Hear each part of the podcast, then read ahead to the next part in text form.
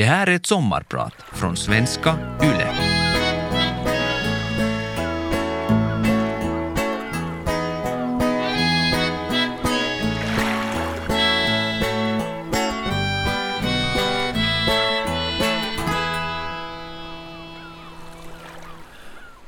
Någon gång i mitten på 90-talet uppfattar den amerikanska marinen och en grupp marinbiologer märkligare ljud på sina hydrofonupptagningar. Det var ljud de aldrig hört förut, men man insåg ganska snabbt att det var en val som sjöng. Valar sjunger i frekvenser som gör att de kan sjunga för varandra och svara varandra över oceaner och halva jordklot. Och valsång hade de ju hört förut, men det var någonting speciellt med just den här valsången. Valen sjöng i en helt egen frekvens. Den sjöng i 52 hertz. Alla andra valar sjunger någonstans mellan 19 och 20 hertz. Men den här valen sjöng i 52 hertz. Det innebär att ingen annan val kunde höra den sjunga och heller inte svara på det sång. Så valen kom att simma omkring i den mörka, kalla Atlanten, det brådjupa Stilla havet, sjungandes efter vänner och älskande, men fåfängt och förgäves. Varför han sjunger annorlunda, det vet vi inte.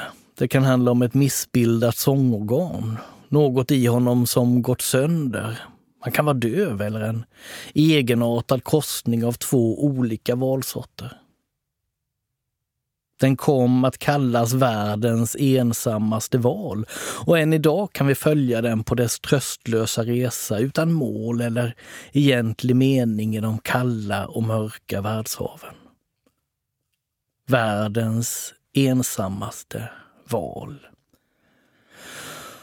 Och vi känner alla igen oss. Någonting i oss som har gått sönder.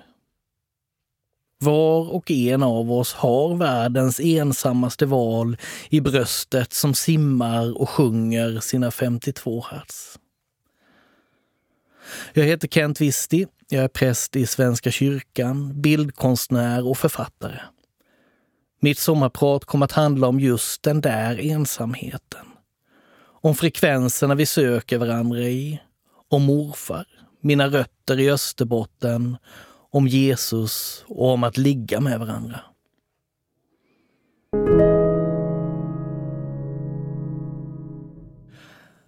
Nu är det bara fattiggubben som känner igen mig.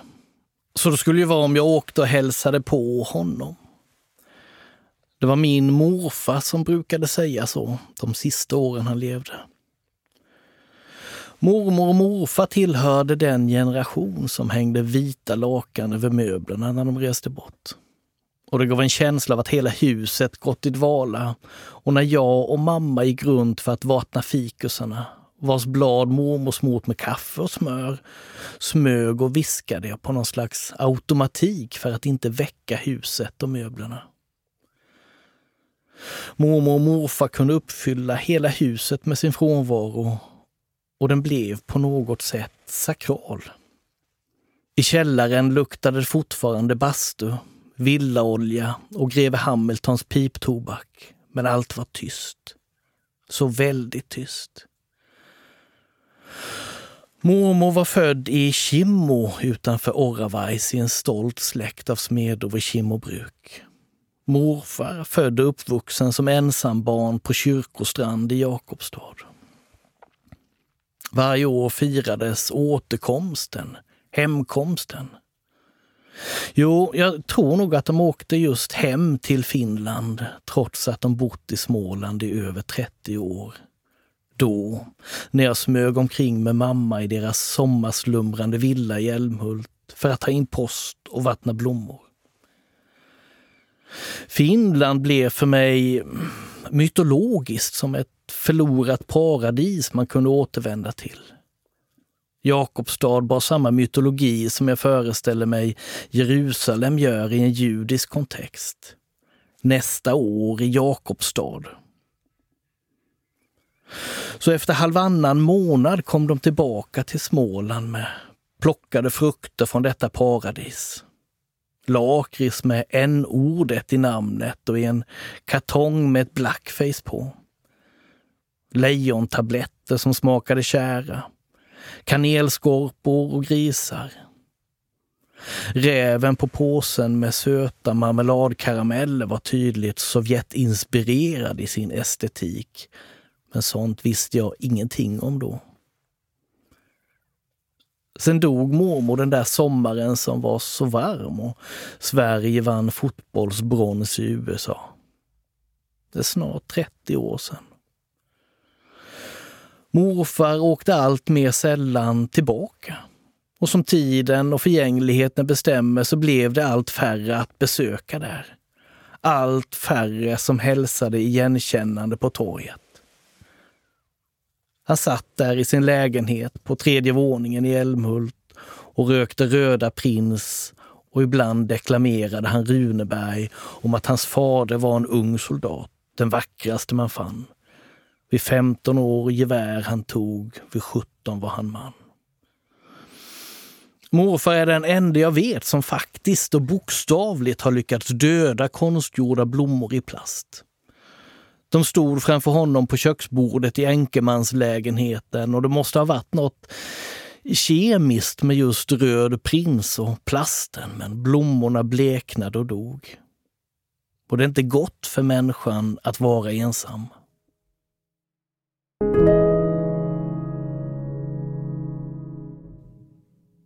Svartgrundet är en väldigt liten ö som vilar i en skyddad vik i skärgården utanför Jakobstad.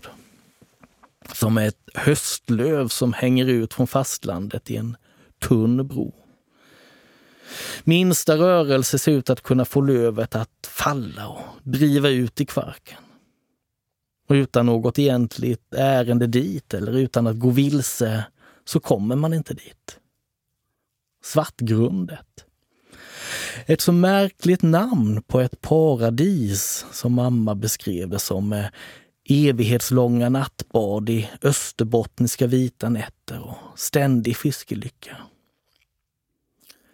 Svartgrundet borde snarare vara namnet på den plats i tillvaron man kommer till när man gått vilse eller båten som man drivit dit i har krossats mot klipporna. Svartgrundet man inte vill vara på men man är alldeles för rädd för att resa sig och gå därifrån. De platser i tillvaron där man bara håller andan för att man är alldeles för rädd för de ord som bor på andra sidan tystnaden. Där döden inte är en sammetsstolt vila utan den död som skiljer oss åt. Där ditt namn inte låter som du alltid hört det förut. Svartgrundet med de brännande vita nätterna som aldrig håller vila i öppen hand och där skam och kaosvatten slår som bränningar och all skit och bråte som sköljs i land samlas på stränderna. Svartgrundet där varje andetag är värderat och måste erövras. Svartgrundet med sina läkare, terapeuter och vänner med goda råd från självhjälpsböcker som inte har förstått att på svartgrundet är man tyst. Svartgrundet med sina pissträngda präster och deras bekräftelsebehov där de likt asätare fåfängt försöker släcka sin törst med andras tårar och där blicken är glasartad. Där man är för ängslig för att ligga, men för trött för att stå. Här, där alla löftesljus har slocknat och du är ett av tillvaron våldtaget rö för stormen. Där det bara är fattiggubben som känner igen dig. Det är inte gott för människan att vara ensam och vi gör alla så gott vi kan för att uppbåda ork att leva och mod att dö när den dagen är här. Och jag har varit där på Svartgrundet. Du har varit där. Platserna i våra liv där allt som återstår är kapitulation. Och vilken seger den kapitulationen är. Jag vet inte, kanske att morfar efter fyra år vid fronten i Ryssland levde resten av livet med en fot på det svartgrundet också.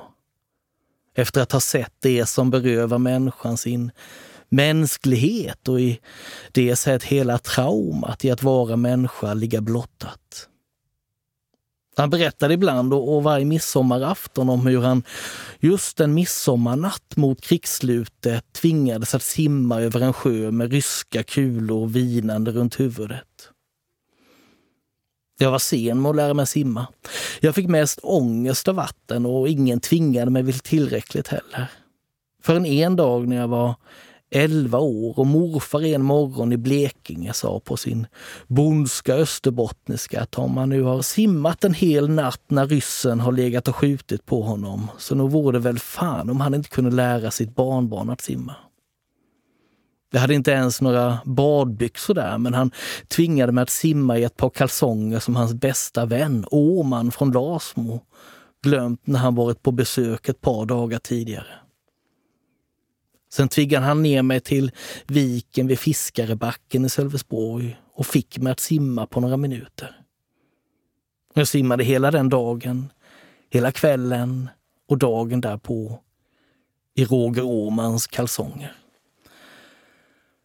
Och det var nog också i den åldern som jag förstod att det där han brukade säga när vi pratade om kriget, om att jag sköt aldrig, jag siktade bara, inte var sant.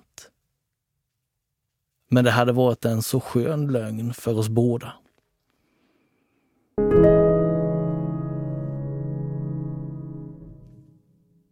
Jag heter Kent Wisti, jag är präst, bildkonstnär och författare. Och idag är jag din sommarpratare. Varje natt tog Morfevs med sig morfar tillbaka till fronten i Ryssland och lämnade en svettig, svettande, åldrande och skrikande manskropp kvar i sängen. Den vackraste man fann. Vid 15 år gevär han tog, vid 17 var han man. Och det är inte gott för människan att vara ensam. Men han simmade hem den där midsommarnatten för han skulle gifta sig och han simmade hem med alla de där löftena han gav den gud han inte trodde på. Om hur han skulle bygga en sommarstuga på svartgrundet för flickan som ännu var i moderlivet. Hur han skulle köpa var sitt piano till de barn han skulle få om han så skulle gå från dörr till dörr och sälja granruskor för att ha råd. Allt detta hade han lovat Gud om han bara fick komma hem. Och det skulle vara dans på bröllopet hade han lovat. Varje dag kom nya militärt korrekt lämnade dödsbud och transporter av stupade söner, bröder och äkta män hem till Jakobstad. Och därför var dans både opassande och förbjudet. Men Bror Visti skulle ha dans när han gifte sig. Det hade han lovat den gud som han sett brinna och dö. Och dans på bröllopet blev det. Jag blev upprymd i tanken på att allt morfar lovat Gud var saker som var gott för honom själv. Det var inte låt mig leva så ska jag bygga en katedral i Helsingfors till din ära eller låt mig leva så ska jag snida en fattig gubbe som ska samla allmosor till de fattiga. Det var inte låt mig leva så ska jag bli munk Löftet handlade om det goda livet. Låt mig komma hem så ska jag leva ett gott liv och bygga ett gott liv för dem som är nära. Han byggde en fristående stuga till sommarvistet i Blekinge. Där bodde jag min första förälskelse en sommarvecka och han la sitt raster av löftet på det också. Här har man legat och pangat i Ryssland. Vem kunde tro att jag en dag skulle snickra ett kärleksnäste till mina barnbarn? Och det är inte gott för människan att vara ensam. Sen kramade han mig, lite för hårt som han alltid gjorde och drog med det vassa skäggstubbet mot min kind. Om det inte var söndag, då var han alltid nyrakad.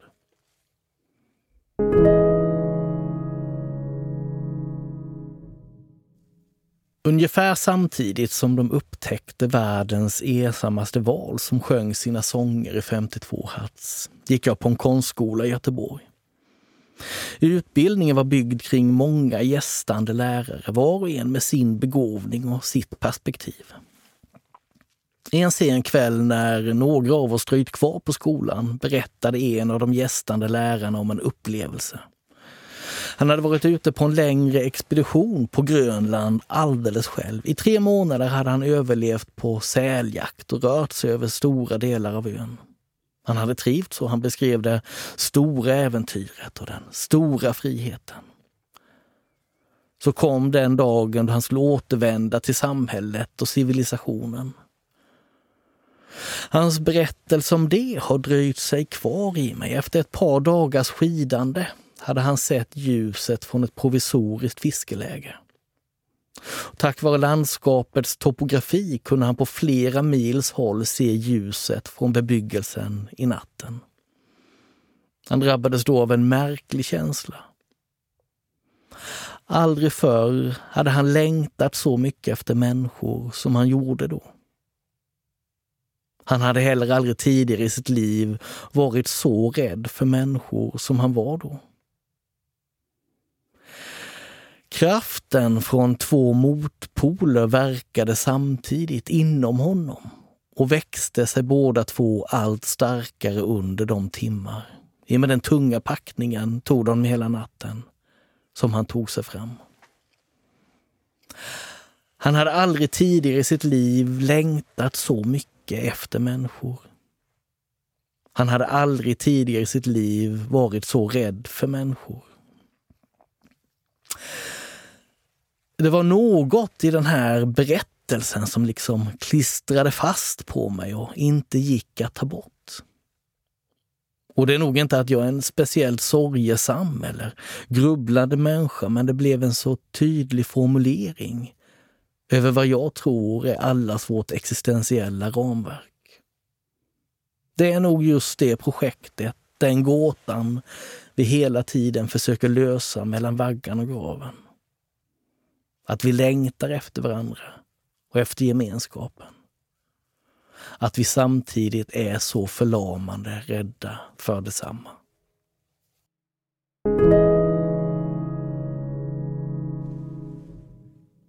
Det finns en smal remsa jord mellan vår inre föreställningsvärld och den yttre verkligheten. Ett ingenmansland som makten aldrig har kunnat annektera. Här frodas leken, konsten, poesin, humorn och mötet med den verklighet som finns under och utanför tid och rum. Så bryter det igenom ibland för de lekande. De längtande och rolösa öppnas vägar i snåriga och väglösa landskap. Över detta smala ingenmansland går änglar till synes planlöst. En del skramlar omkring i rustningar och talar uppjagat med varandra om hjältemod och drakar. Andra över godnattsånger och balansgång för att kunna följa människobarn över åar på smala spångar. I släpljus, i utkanten av landskapet går de till synes misslyckade änglarna. De som aldrig hjälpt några barn eller dräpt några drakar. Det viskas om dem att de är trösteänglar. De bär Guds vanmakt i stumhet och en vag olustkänsla utan ord i bröstet. De kan inte skydda någon. Inte skjuta kärlekspilar i bröstet på ynglingar eller blända fiender med starka ljussken.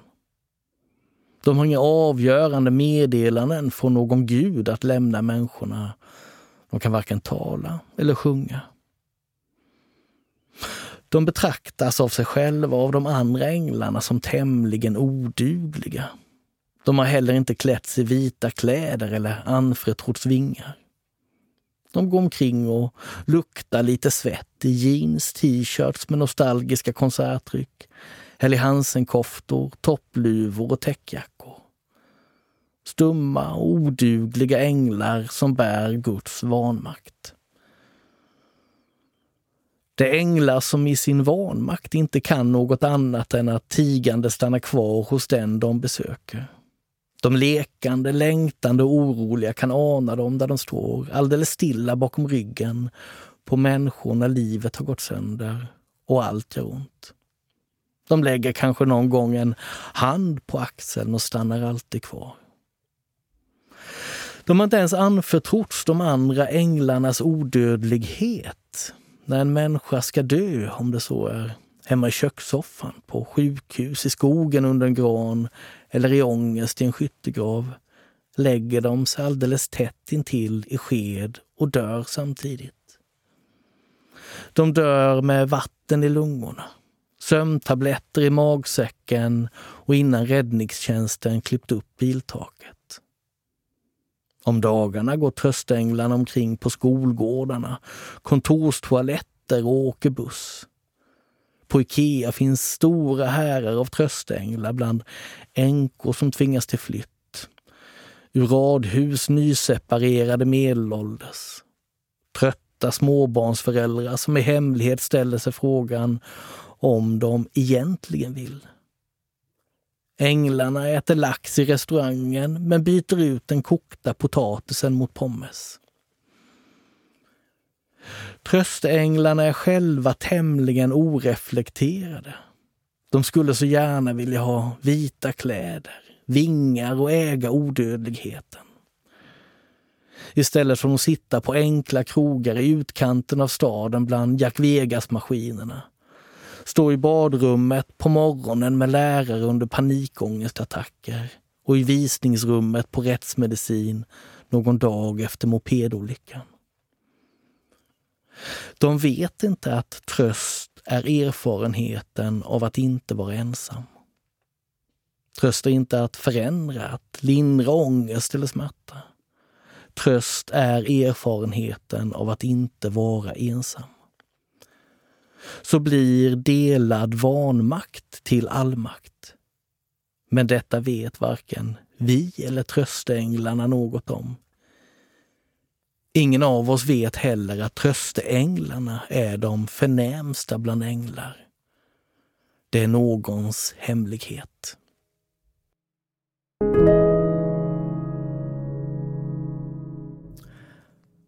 Varje djup har en yta. Och varje yta har ett djup. Alldeles i början, eller rättare alldeles innan början, fanns ingenting. Det fanns inget upp, inget ner.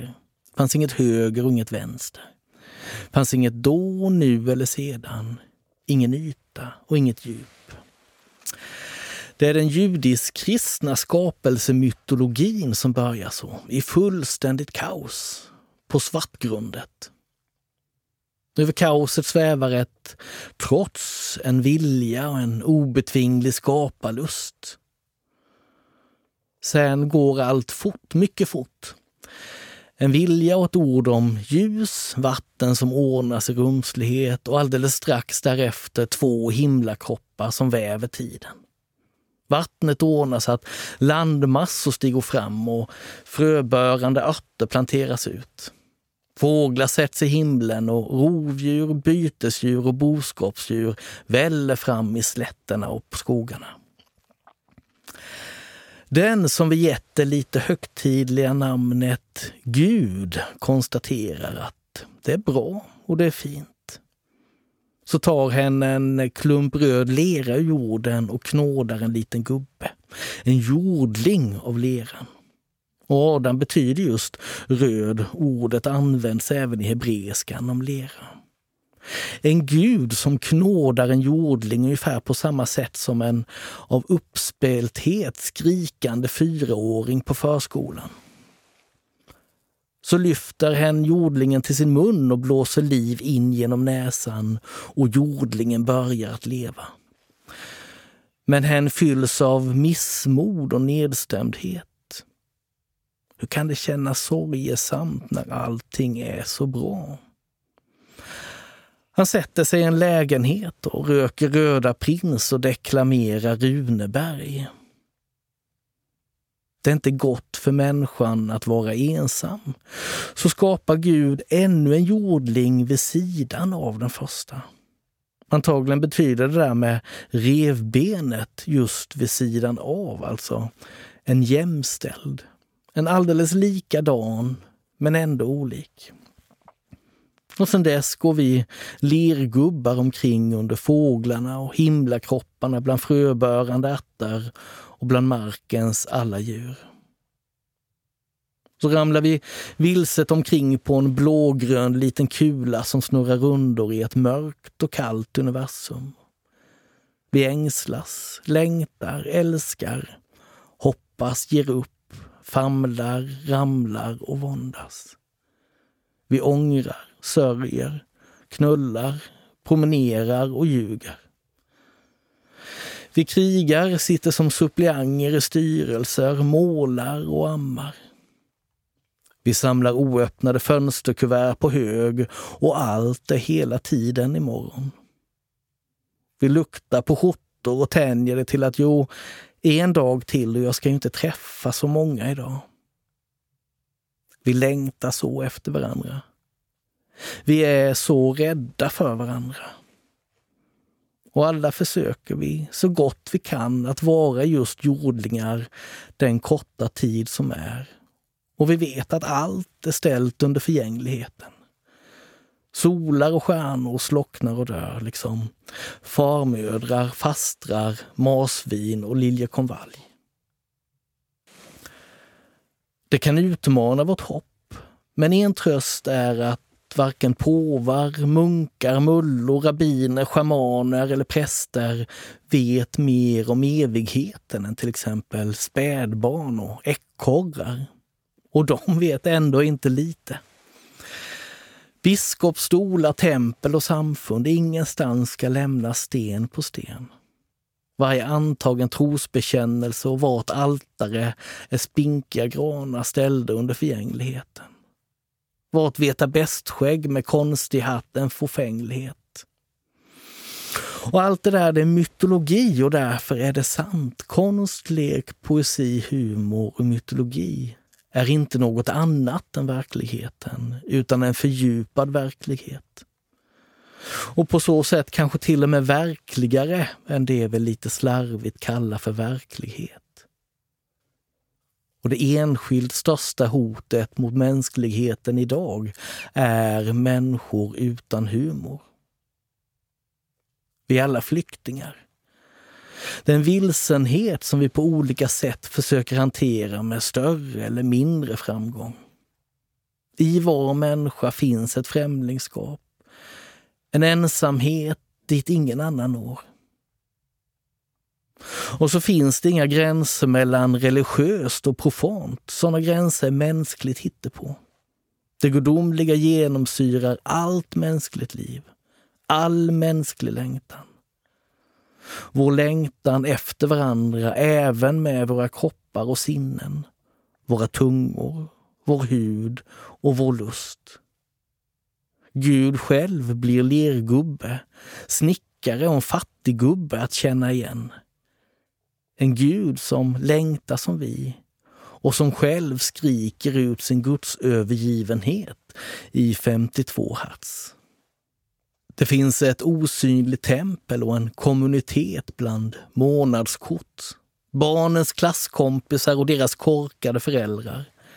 Diskmaskinstabletter, hemorrojder, gympapåsar och en ångrad uppdatering på Facebook. En hemlig konspiration för att ge ork att leva och mod att dö. Eller kyrka, som de lite högtidligt fromma kallar det.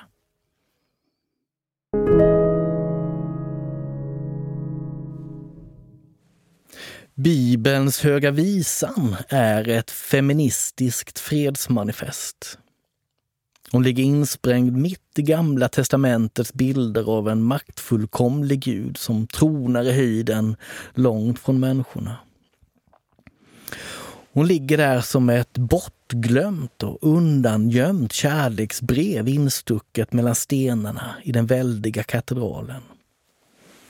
Ett kärleksbrev att hitta för den som längtar. Höga visans form är erotik, men ärendet är fred, makt och normkritik. Här finns allt det som kristenheten borde spänna som en stormduk att paradera under i en stolthetsparad. Om kärlek, längtan, ansvar och kåthet. Insprängt mitt i Gamla testamentets grandiosa gudsbilder med en patriarkal gud som tronar i makt, våld och underkastelse ligger hon. Det är som att eh, Gud plötsligt minns att hen sagt att det inte är gott för människan att vara ensam. Och att vi alla är skapade som jämlikar. Våra hierarkier är konsekvenser av det som vi på kyrkiska kallar för synd.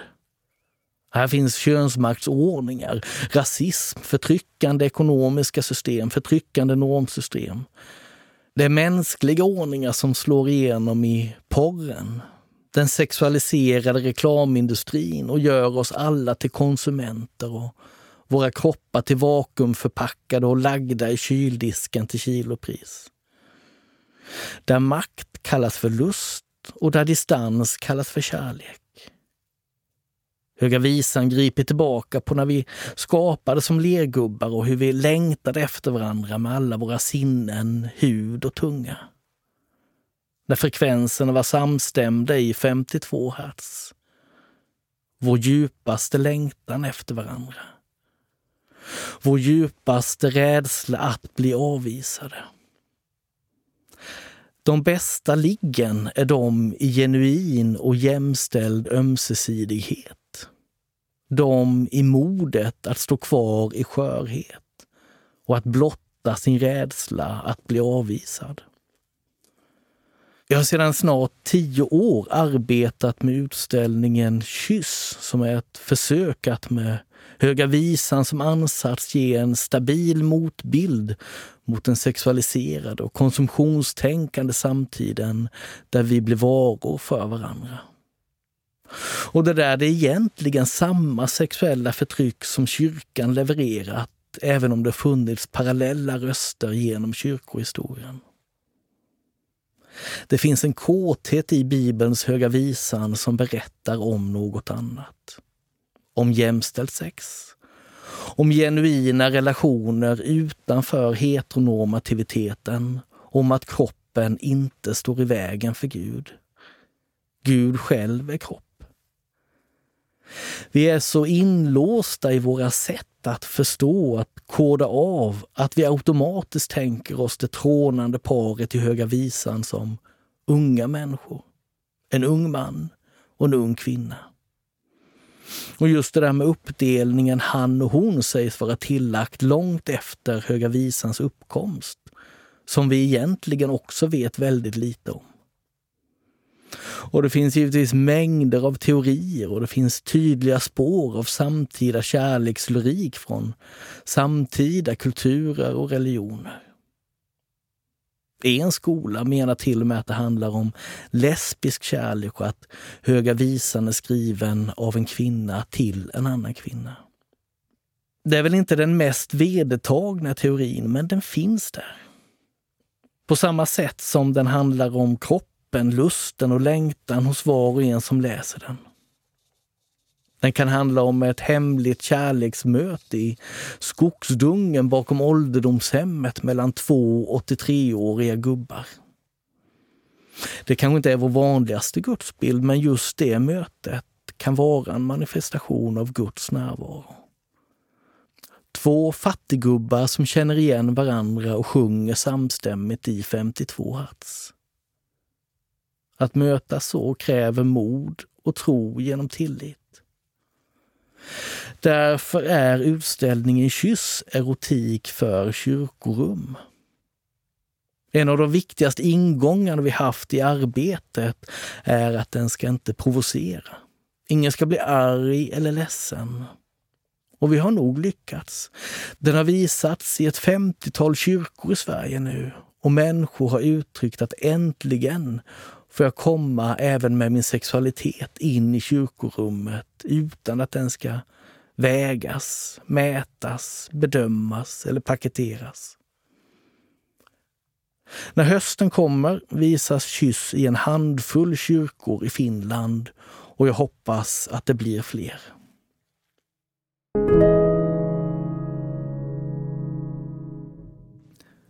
Delad vanmakt är allmakt och tröst är erfarenheten av att inte vara ensam. Inte att lyfta av smärta, inte att förändra utan att möta livet på livets villkor. Tröst är erfarenheten av att inte vara ensam. Och den där valen då? Jo, den sjunger visserligen på sitt eget sätt. Som alla valar. De är individer och de ändrar sin sång hela tiden. Tar upp nya spännande melodislingor de hör av andra valar och lägger till dem till sin gamla melodi. Kanske skaffa sig en lägre frekvens att sjunga i för att imponera på damerna. Och senast man lyckades fånga den ensamma valen på band så hade den börjat sjunga i 47 hertz. Ett ständigt tjatter i världshaven med delfiner som visslar, öringar som knäpper, torskar som brummar i kör med Finlandsbåtarnas motorer som ständigt åker hem och tillbaka. Havet kryllar av märkliga varelser som sjunger märkliga sånger. Som om någon skapat allt för att uttrycka att konformitet är skittråkigt. Så visst, vi kan känna igen oss i ensamheten. Men vi ska också veta att det roliga med att leva också handlar om att inte vara som alla andra. Att vara den som kan bidra med sången i just den där frekvensen ingen annan kan. Och det finns änglar som är vaganter och landstrykare. Och så sitter de alldeles nära Jack Vegas-vraken, lådvinsneurotikerna, vart av tillvaron våldtaget rö för stormen och de som håller så hårt att knogarna vitnar. De viskar att det är dags nu. Och en dag ska alla namnlösa marschera längs våra avenyer i en stolthetsparad. Vi otillräckliga ska spänna vår skuggsida som en stormduk och var och en ska nämnas vid namn. Från fyllcellerna, institutionerna, öppenvårdsmottagningarna springer siffrorna ut som bokstäver. Alla ska stå frikända inför det barn vi en gång var. Och förundrat ska vi stå längs stadens trottoarer och säga till varandra så vackert orkestern spelar. Jag heter Kent Wisti. Jag är präst, bildkonstnär och författare. Du har lyssnat på mitt sommarprat i Yle Vega. Gud välsigna dig.